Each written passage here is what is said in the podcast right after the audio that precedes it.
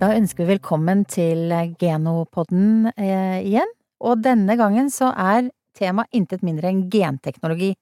Hvor står forskningen, hva skjer med reguleringen av det, har det skjedd noe spesielt for storfe, eh, og hva skal landbruket mene? Her i studio, eh, faktisk i Oslo denne gangen, så finner vi meg, Oda Christensen, og Rasmus Langerød. Ja. Og før vi da skal introdusere dagens gjest, så vil jeg også si at eh, vi setter utrolig pris på tilbakemeldingene vi får fra dere. Og blant annet nå så har vi fått eh, en hyggelig telefonsamtale fra Bente Merete, som melder om denne Angus-avtalen, Rasmus. Ja, den har vi snakka om. Ja. Og der har vi ikke opplyst den hele og fulle sannhet, for den avtalen gjelder bare til og med Malvik-anlegget i Trøndelag. Så for noen produsenter som befinner seg nord for det, så er det dessverre ikke mulig ennå å, å tilslutte seg den avtalen. Så det, det burde vi ha nevnt. Ja, så det skal vi ta med oss videre. Så da vil vi vel, veldig gjerne ha sånne type tilbakemeldinger. Er det ris eller ros, er det noen ønsker dere har inntil podden, eh, gi oss gjerne det, og vi er tilgjengelige for dere. Men eh, denne genopodden har da fått eh, inn i studio en gjest som heter Sigrid Bratli, som dere sannsynligvis kjenner igjen fra tidligere pod. Fra den aller første. Fra den aller første. Ja, det var en ære. Ja, ja. Og Sigrid omtales som en av de mest kunnskapsrike personene vi har om bio- og genteknologi. Vi har gleda oss veldig til å få deg inn i studio igjen. Eh, Flittig brukt som kommentator i media og foredragsholder, molekylærbiolog og nå også spesialrådgiver om bioteknologi for Kreftforeningen og for næringsklynga Heidner. Ja, det stemmer. Hei. Hei! Ja, Sigrid, det er jo stor forskningsaktivitet eh, på dette genteknologiområdet hele, hele tida. Og er det noe spesielt som har skjedd nå den senere tida som er verdt å trekke fram, som får betydning for norske bønder? Ja, altså det, er, det skjer jo enormt mye på genteknologi, og sånn helt overordna så kan man jo si at uh, denne verktøykassa gjør at vi kan lese, skrive og redigere i livets kode, DNA. Og det har jo åpenbart veldig mange bruksområder. Men om jeg skal trekke fram ett som kanskje er litt sånn ekstra interessant nå i Norge, så er det et forskningsprosjekt som uh, prøver å bruke genteknologi til å gjøre poteten motstandsdyktig mot tørråte. Og det er viktig, et viktig bruksområde, fordi at tørråte er et av de største problemene som potetbøndene har i dag, og det sprøytes veldig mye mot det for å håndtere den soppen. Ja, for det er en soppsykdom som Det er en soppsykdom. Ja. Og det som er et, Dette er et eksempel på, er at man kan jo faktisk bruke kraften i biologien til å håndtere slike utfordringer, istedenfor å bruke da kjemi, som vi gjør med sprøytemidler. Mm. Så vi kan bygge en motstandskraft i poteten, slik at den ikke blir smittet av disse sykdommene. Og dette er egenskaper som finnes i f.eks. potetsorter i Sør-Amerika, men som vi da kan låne inn i de norske potetsortene og gjøre dem da også resistente. Og det er åpenbart en, en stor fordel. Og der er det gen ifra, ifra potet inn i potet, så det er ikke snakk om å ta noen gener ifra noen helt andre organismer og putte inn i Nei, det er jo ikke det. Nei, det er ikke snakk om noen andre gener. Og man kan også da skru av gener i poteten, for ofte så er det det som skal til for å på en måte gjøre hva skal jeg si, potetcellene usynlige for, mm. for sopp og virus og, og, andre ting. Da. Så da, da, tilfører man ikke noen ting som helst. Så dette er jo da i praksis et avlsverktøy. For mm. det er jo det samme som man får naturlig gjennom mm. så, såkalte mutasjoner i genene til alt uh, som lever. Ja, for det er jo egentlig sånne bestemt helt styrte mutasjoner, egentlig. Ja, det oppstår mutasjoner hele tiden, ja, ja, naturlig. Det. Og med disse teknologiene så kan vi målretta gå inn og lage de mutasjonene som vi ønsker, istedenfor å vente på da at naturen gjør det eh, ved flaks og tilfeldigheter. Ja, ja. Og mm. øke matproduksjonen. Ja. Men du så òg et annet interessant eksempel her fra USA, da, som går direkte på storfe, der en har greid med denne CRISPR, denne klipp og lim-teknologien, og, og, og, få til eh, ei ku med et veldig tynt og kort hårlag, som gjør at den kua tåler varmen mye mer. Altså det, med varmestress er jo et stort problem, kanskje ikke mest i Norge, da, men i, i mange deler av verden så er det noe som har, er en stor utfordring i både i mjølk- og kjøttproduksjon. Mm. Ja, og det er eh, en viktig sak fordi det er første gangen en såkalt eh, genredigert eh, storfesort, holdt jeg på å si, eller art, har blitt Mm. godkjent i, Mm. for produksjon i USA. Og dette viser jo også både det fordi denne genvarianten da, som det er snakk om, som gir denne korthårede egenskapen, den fins naturlig i en Mm. del storferaser. Så der igjen så har de brukt det som et avlsverktøy, så Mm. istedenfor å krysse, så har de da kopiert over Ja, den ja. genetikken direkte. Mm. Eh, og det er jo eh, Det viser jo nettopp også at det kan brukes eh, til formål som er samfunnsnyttige, og Mm. som bidrar til økt bærekraft i møte med f.eks. klimaendringer. Ja, ja. Men for meg da, som ikke vet så mye om dette CRISPR, Mm. hva, kan, kan du si noe om hva det er? Ja, CRISPR, det er eh, Altså på overskriftsnivå så er det en av de viktigste teknologiene som noen gang har blitt utviklet. Og det er grunnen til at den eh, som eh, åtteåring fikk eh, nobelprisen i kjemi. Og, er et, rett og slett det mest populære verktøyet som biologene bruker på sine laboratorier for tiden. Men sånn litt mer detaljert så er det det er en slags gensaks, altså i metaforisk betydning, da. Det er sånne små molekyler som klipper i DNA. Og DNA er jo på en måte det som gir egenskapene. Det er koden som, som gir eh, dyr og planter og mennesker eh, de egenskapene de har. Så vi kan da bruke CRISPR til å målretta endre på den genetiske koden. Vi kan legge til DNA, vi kan ta vekk DNA, eller vi kan eh, bytte ut DNA. Så det er et programmeringsverktøy i Mm. praksis for livets kode. Men til forskjell fra GMO, så er det ikke gener fra andre, andre arter. Her er det Ikke den typen eh, bruk av CRISPR som er eh, det vi diskuterer mest. Det er nettopp det å bruke det på tilsvarende måter som man gjør i avl. At man lager de Mm. genetiske endringene som man ellers også ville kunnet fremskaffet ved kryssing eller andre metoder som er tradisjonelle. Det er den typen eh, genredigering som er det store diskusjonstemaet. Og i USA ble det jo av Food and Drug Administration godkjent, eller antatt å være helt ufarlig, og, helt ufarlig å, å spise. Og det er, så det er ikke der diskusjonen går om når det gjelder CRISPR, kanskje? Nei, eller du kan si det er jo litt mer nyansert enn som så, for det kommer jo veldig an på hva du gjør. Hvis du bruker CRISPR til å lage en egenskap som ikke vi kjenner fra før, så er det jo et spørsmål om det har en risiko ved seg.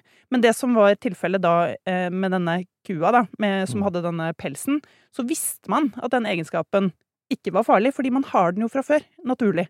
Mm. Så, og det å gjøre den typen genetiske endringer som er sånne små Mm, mm. eh, klipp, sånn småklipp og lim, eh, Ja. det antar man ikke har noe større risiko ved seg enn de tradisjonelle metodene. Så Nei, de sier at det er greit. Tenke seg at den kunne ha krysset inn den egenskapen. Ja. Men det ville jo tatt forferdelig lang tid. Og, men, det, men, men i prinsippet er det, er det ingen forskjell. Det, det, som du sier, det ville jo tatt mange tiår, og man Ja, ville ja. jo også fått med seg en hel haug med egenskaper som man Mm, kanskje ikke mm. ville ha, som ville ødelagt for de, eh, hva skal jeg si, de, den, den genetiske basen du allerede hadde, da. Men for eh, norske kyr, hva tenker du at det blir mer aktuelt framover? Er det sykdomsresistens, er det kvalitet? Har vi noen sånne indikasjoner på hva som blir eh, viktig fremover? Ja, du nevnte det jo. Eh, Dette med sykdomsresistens for eksempel kan bli veldig viktig. Nå har jo vi i Norge veldig friske dyr. Vi har Mm. gode gener i avlsmaterialet som gjør at vi har rett og slett altså verdens beste og friskeste dyr. Men det er ikke sikkert at det varer for alltid. Vi lever i en global verden, og vi vet jo fra koronapandemien og diverse annet at smittesykdom det kommer over landegrenser. Så det kan bli et problem også her i Norge. Og i tillegg så opererer jo Geno da, eh, på det internasjonale markedet og selger genetikken sin til andre land som har større utfordringer med sykdom. Så det å ha dyr som er resistente, som ikke trenger da så mye medisiner og antibiotika og, og sånne type ting, er veldig attraktivt. Så det er klart en av de viktigste bruksområdene for den teknologien. Men så har du andre ting også som eh, for, for eksempel så har man jo koldethet, altså eh, ikke horn, da, i avlsmaterialet til Geno. Men det kan være aktuelt å bruke det for å få flere dyr med den egenskapen. Mm. Eh, Mm. Fordi at det nettopp tar lang tid å, å krysse. Og så har de andre interessante egenskaper, som eh, noen gunstige melkeproteinvarianter som skal være helsefremmende. Men som de har ganske få dyr som har i riktig kombinasjon. Så det å bruke da CRISPR til å kombinere disse ønska genvariantene som allerede fins i avl- avlsmaterialet, det er kjempeinteressant. Ja, for da kan du få superosteprodusenter som er kolde. Ja. På en måte, og skulle du drevet tradisjonell avl, så hadde det blitt eh, Ja, det, hadde, det, hadde, blitt en lang, lang vei å gå. Ja, og når det er så få dyr, så blir det fort innavl, da, hvis du skal drive Ja. og krysse på dem. Så det å kunne lage det eh, som en kombinasjon i de dyra uten å måtte da ha den Mm. innavlsproblematikken, er jo kjempeattraktivt. Mm. Og så er det jo en del sånn eh, ren, rene sånn dyrevelferdsaspekter. Altså, vi vet at eh, i avlsmaterialet til Geno så eh, har det, forekommer det annet en genvariant som gir økt embryodødelighet, eh, som henger sammen med en del av disse melkeegenskapene. Men det å kunne da fjerne den, for eksempel, Mm. det kan man da med CRISPR. Det kan man ikke nødvendigvis med vanlig kryssing, så det er noen fordeler her også, som går Mm. utover vanlig avl. Mm. Mm. Men det i forhold til eh, fri, eh, å unngå sykdom og, mm, og redusere antibiotikabruken, da, og, og da vil du òg ha positiv effekt på klimaavtrykk, så, så da er den jo på en måte over i at det er òg mulig å se for seg at den teknologien kan, kan ha noe å si for liksom, bærekraft Ja. i produksjonen. Det eh, kan det definitivt, og det er jo både på, på planter og dyr, så er det veldig mange muligheter for økt bærekraft. Og det handler jo blant annet om eh, produktivitet eh, og redusert klimaavtrykk. Det handler om redusert matsvinn. Eh, veldig mange områder innenfor f.eks. en sirkulær økonomi, så kan jo denne teknologien brukes da, til å styrke bærekraft. Og det er grunnen til at det er så mye politisk interesse for dette her også i Europa nå. Mm. Fordi politikerne i EU har sett at eh, de For de har lagt veldig ambisiøse mål når det gjelder bærekraft og klima, og at dette kan bli et verktøy som vil kunne bli viktig for å faktisk nå de målene. Men, men hvor ligger det etiske betenkeligheten i, i CRISPR-teknologien? For det, jeg ser for meg at det er litt andre betenkeligheter enn en, en det som har vært diskutert på GMO, for eksempel. Ja, eh, det, altså kanskje noe av det, det som er viktig å, å si her, er jo at alle teknologier, inkludert CRISPR og vanlig avl, kan brukes på måter som kan være etisk betenkelige. Og vi vet jo at eh, det er mye diskusjon om f.eks. dyrevelferd i husdyrproduksjon. Men det handler jo ikke om teknologien. Det handler om hva du bruker den til, og hvordan, hvilket system vi ønsker.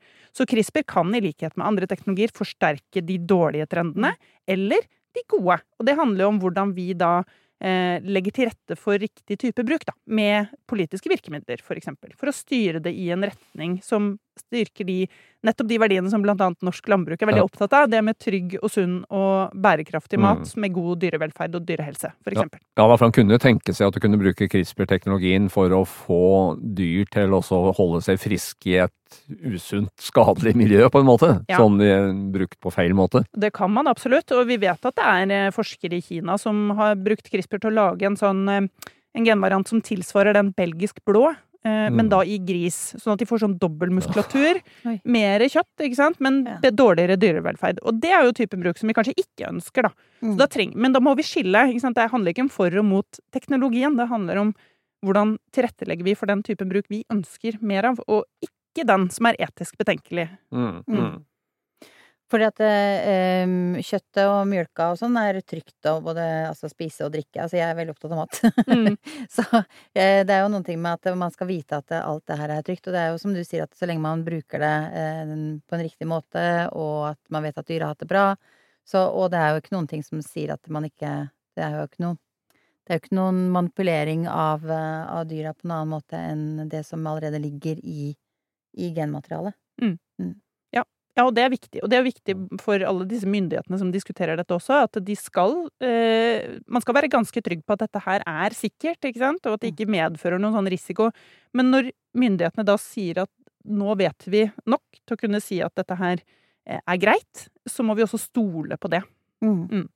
Og der har jo vi eh, nå eh, fått vår utegående reporter eh, Turi Nordengen til å ikke gå veldig langt. Hun er eh, egentlig Hun bare slapp vel nesten å gå ut nå. Ja, hun, hun gikk bare et par rader inn i åpne Ja. landskapet vårt, eh, og skal, har snakket med eh, administrerende direktør Kristin Malnes eh, nettopp akkurat rundt det her med at vi er en avlsorganisasjon som driver i det internasjonale markedet, og hva det eh, vil gjøre for oss i vår konkurransesituasjon eh, rundt eh, om vi skal, hvor restriktive man også blir inne i det norske landbruket når det gjelder genteknologi.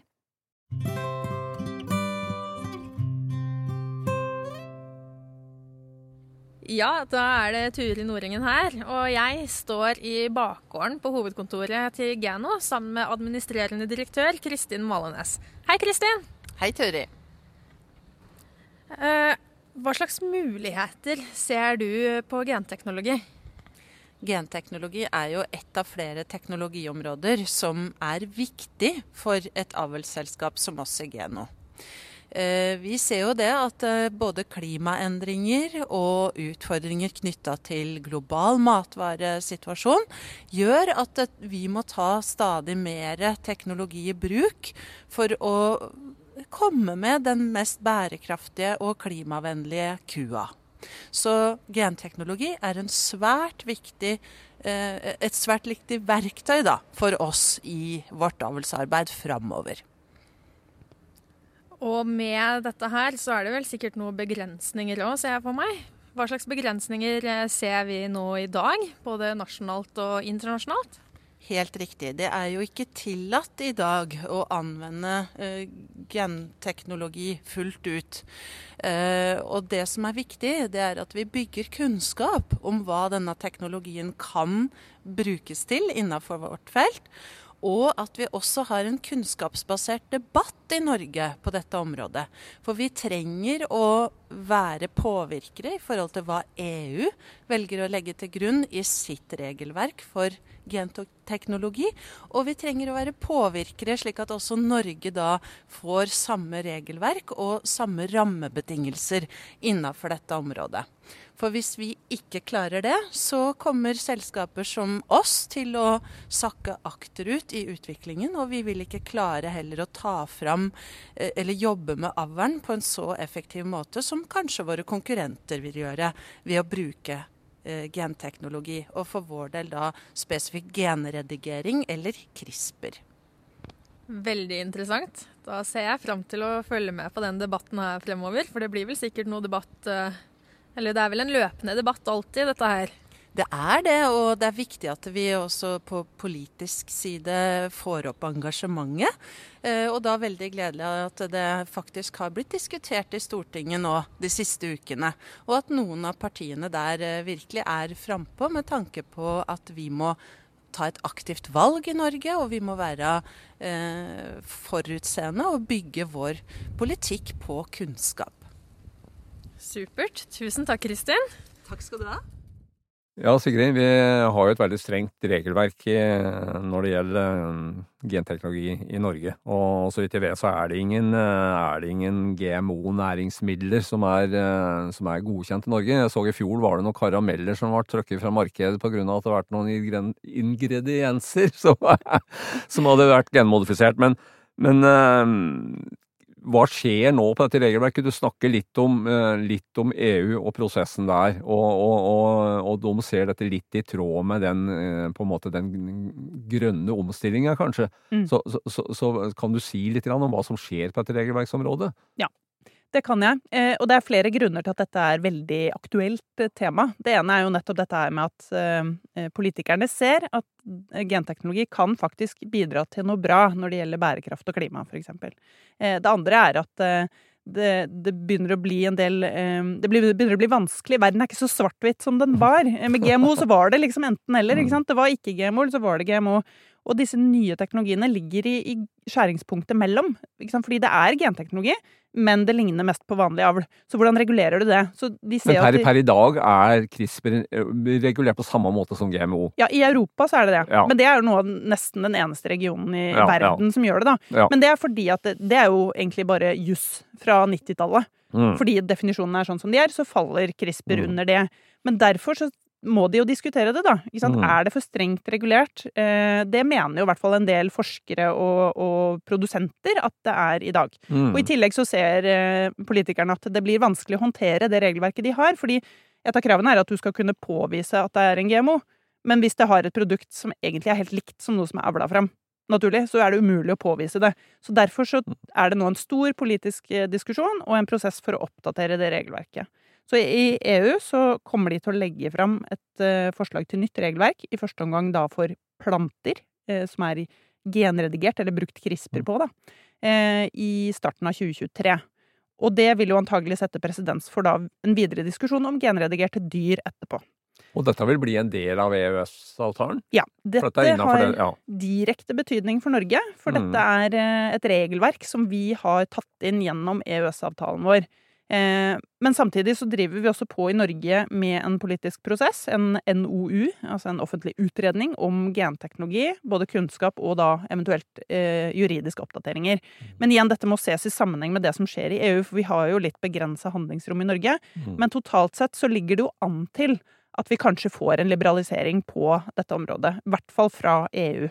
Det, det ligger liksom litt i Mm. korta her. Og at, det blir, og at det blir et skille mellom GMO og CRISPR, for Ja. eksempel. På, Ja, de kommer til å i hvert fall gradere det og si at det Ja. er eh, ulike ting, og at de Mm. senker terskelen da, for godkjenning av CRISPR-produkter. Det ligger an til det. Men det blir ikke fullt frislipp. Det blir ikke en fullstendig deregulering av dette her. De vil fortsatt ha noen sikkerhetsventiler, men de vil gjøre det overkommelig. For sånn som det er i dag, så er det i hvert fall for mindre produsenter, bedrifter og akademiske forskningsmiljøer, så er det nesten umulig å få noe igjennom, for det er så dyrt Mm. og omfattende. Men samtidig vil det bli veldig vanskelig for noen som driver eksportrettet virksomhet, hvis det blir veldig ulikt regelverk i ulike regioner av verden. Ja. Det er også et veldig godt poeng, så for europeiske og norske aktører så er det jo veldig viktig at det er eh, forholdsmessighet mellom reguleringen i de ulike regionene, sånn at man er konkurransedyktig. Så, Mm. så det er en eh, veldig aktuell del av denne diskusjonen, da. Og så er det jo også noe diskusjon nå uh, på grunn av de, de kriser, forsyningskriser vi har om, om matkriser, da, og nå blant annet at det er vanskelig å få tak i eh, GMO-fri eh, var det mais fra Ukraina. Mm. Og, og, og det kan jo tenkes at det er GMO-fri soya kan bli vanskelig å få tak i, så, så det kan komme under press rett og slett på grunn av sånne faktorer. Ja, absolutt. Vi ser jo det nå. Eh, I Europa så er det eh, mye press på å i hvert fall midlertidig se bort fra GMO-reguleringa, fordi det er så vanskelig å skaffe GMO-fritt fôr, da, i første Mm. omgang. Eh, Ukraina leverer omtrent halvparten av den GMO-frie maisen som Europa importerer. Mm. Så, så de er nødt til å se nå Mm. til f.eks. USA og, og Sør-Amerika, og der er det jo GMO i all hovedsak. Mm, mm. Så politikken den endres jo raskt, men det ser vi jo på mange områder. At når det blir krig og det blir klimakrise eksempel, så går ting ganske fort politisk. Mm. Så det kan absolutt bli aktuelt her også, å ta den debatten på nytt. Og midt oppi dette så driver landbruket òg og har en debatt, eller i hvert fall en utredning og, og vurdering, for vi har jo hatt en veldig restriktiv GMO-policy, eller genteknologi-policy i, i, i norsk landbruk. Men kan du si litt grann, mm, kort om hva, hvor den prosessen hva, går ut på, og, Mm. og hvor, når vi kan se noen resultater, tror du? Eh, ja, altså det er jo i lys av disse, denne nye teknologiutviklingen som har aktualisert også eh, landbrukets egen holdning til dette her. Det har ikke vært noe etterspørsel etter GMO eh, tradisjonelt. Altså dette har jo vært i noen tiår, og da har landbruket hatt en veldig restriktiv holdning til det. Men så kommer jo CRISPR og disse her Mm. mer avlsverktøyene, da, som er interessante for norske bedrifter. Så da må man se på det på nytt, da, eh, og se eh, hvordan man skal forholde seg til det. Så eh, landbruksbedriftene som er medlem av Norsk Landbrukssamvirke, de har signert på denne felles GMO-policyen, som nå er da under eh, vurdering, og mulig da revisjon, avhengig av hva man lander på. Men dette skal ses i sammenheng med dette politiske arbeidet som foregår i Norge, denne Mm. NOU-en. Så, så det går litt sånn parallelt. Mm. Eh, og da kanskje da mot slutten av året i år, 2022, Mm. så vil vi da få NOU-en, og vi vil da også få se eh, etter hvert da hva landbruket mener om genredigering og CRISPR, og hvorvidt det kan bli eh, eh, et avlsverktøy som også norske bedrifter kan bruke. Ja.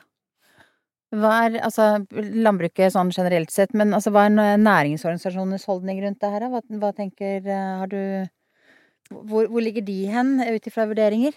Ja, altså Det er jo ikke alle som har bestemt seg helt. Det er en del som fortsatt er litt i tenkeboksen, fordi at dette her er et komplekst eh, fagområde som man må forstå, og man må forstå implikasjonene av eh, hva man mener om det. Men så er det jo særlig disse avlsbedriftene, da, mm, Geno og Norsvin, og også Aquagen på fiskesiden, eh, som har da eh, evaluert dette og funnet ut at for, for dem så vil De ønsker å ta i bruk genredigering som et avlsverktøy, selvfølgelig avhengig av lovregulering og alt dette her, men at det kan være et verktøy i verktøykassa. Og det samme har også Gartnerhallen og Hoff og Nordgrønt sagt, at de også er avhengig av at man har tilgang på de beste teknologiene når de skal da ha eh, grønt og, frukt og bærsorter da, eh, Mm. til det norske markedet. Så det blir jo en balansegang her da, mellom på en måte å både sikre seg konkurransekraft og samtidig vare på en måte både ivareta føre var og, og en forsiktig holdning, og, og, ikke minst trygg mat og hele renommeet til norsk mat, matproduksjon. Ja. Så det er en balansegang. Absolutt. Det handler jo om forbrukeren ikke sant? og mm. forbrukertilliten. At man, man ivaretar den, den, på en god måte. Men det handler jo også om hvordan landbruket snakker om dette her. ikke sant? Mm. Man bygger jo tillit hos mm. forbrukeren ved å synliggjøre hvorfor dette er noe som disse bedriftene er interessert i. Ikke sant? Mm. Å snakke åpent om det, eh, og, og, være imøtekommende. Og jeg tror definitivt at forbrukerne er nyanserte i sine holdninger. Det mm. så vi i en forbrukerundersøkelse som jeg har vært og snakka om mm. før, i en eh, tidligere episode av denne podkasten, der mm. forbrukerne var positive til eh, formål som da kunne styrke nettopp eh, bærekraft. For eksempel en tørrrotteresistent mm, potet. Jeg tror nok vi har sett en veldig sånn eh, endring i, eh, i, forbrukerens holdning til det som er på tallerkenen, fra at det på en måte bare var mat, og man var opptatt av det, til at det er en helt annen samfunnsaspekt eh, mm. inni det. Eh, og jeg tror også bare de siste årene har vel vært eh, ganske oppvåkning, i hvert fall for, for sånne forbrukere som meg. Mm. så har vi lært ganske mye. Mm. mye mer. Um, men det er på en ting, altså Avlsorganisasjonene har jo et prosjekt gående. Men, men, det er vel på en måte ikke Vi driver ikke med CRISPR-teknologi per i dag, men det er i stor grad kunnskaps- og kompetanseoppbygging, er ikke det riktig? Jo, Foreløpig. Det, stemmer. Det heter Gene Innovate. Ja. Det er et samarbeidsprosjekt mellom både da disse bedriftene på både planter og dyr og fisk, eh, og akademia og eh, Bioteknologirådet, som da undersøker Eller de bygger kompetanse eh, om teknologien, og da undersøker om det har, hvilke muligheter og utfordringer som ligger i det i forhold til da norsk matproduksjon. Men det er ikke snakk om å ta det inn i norsk matproduksjon enda.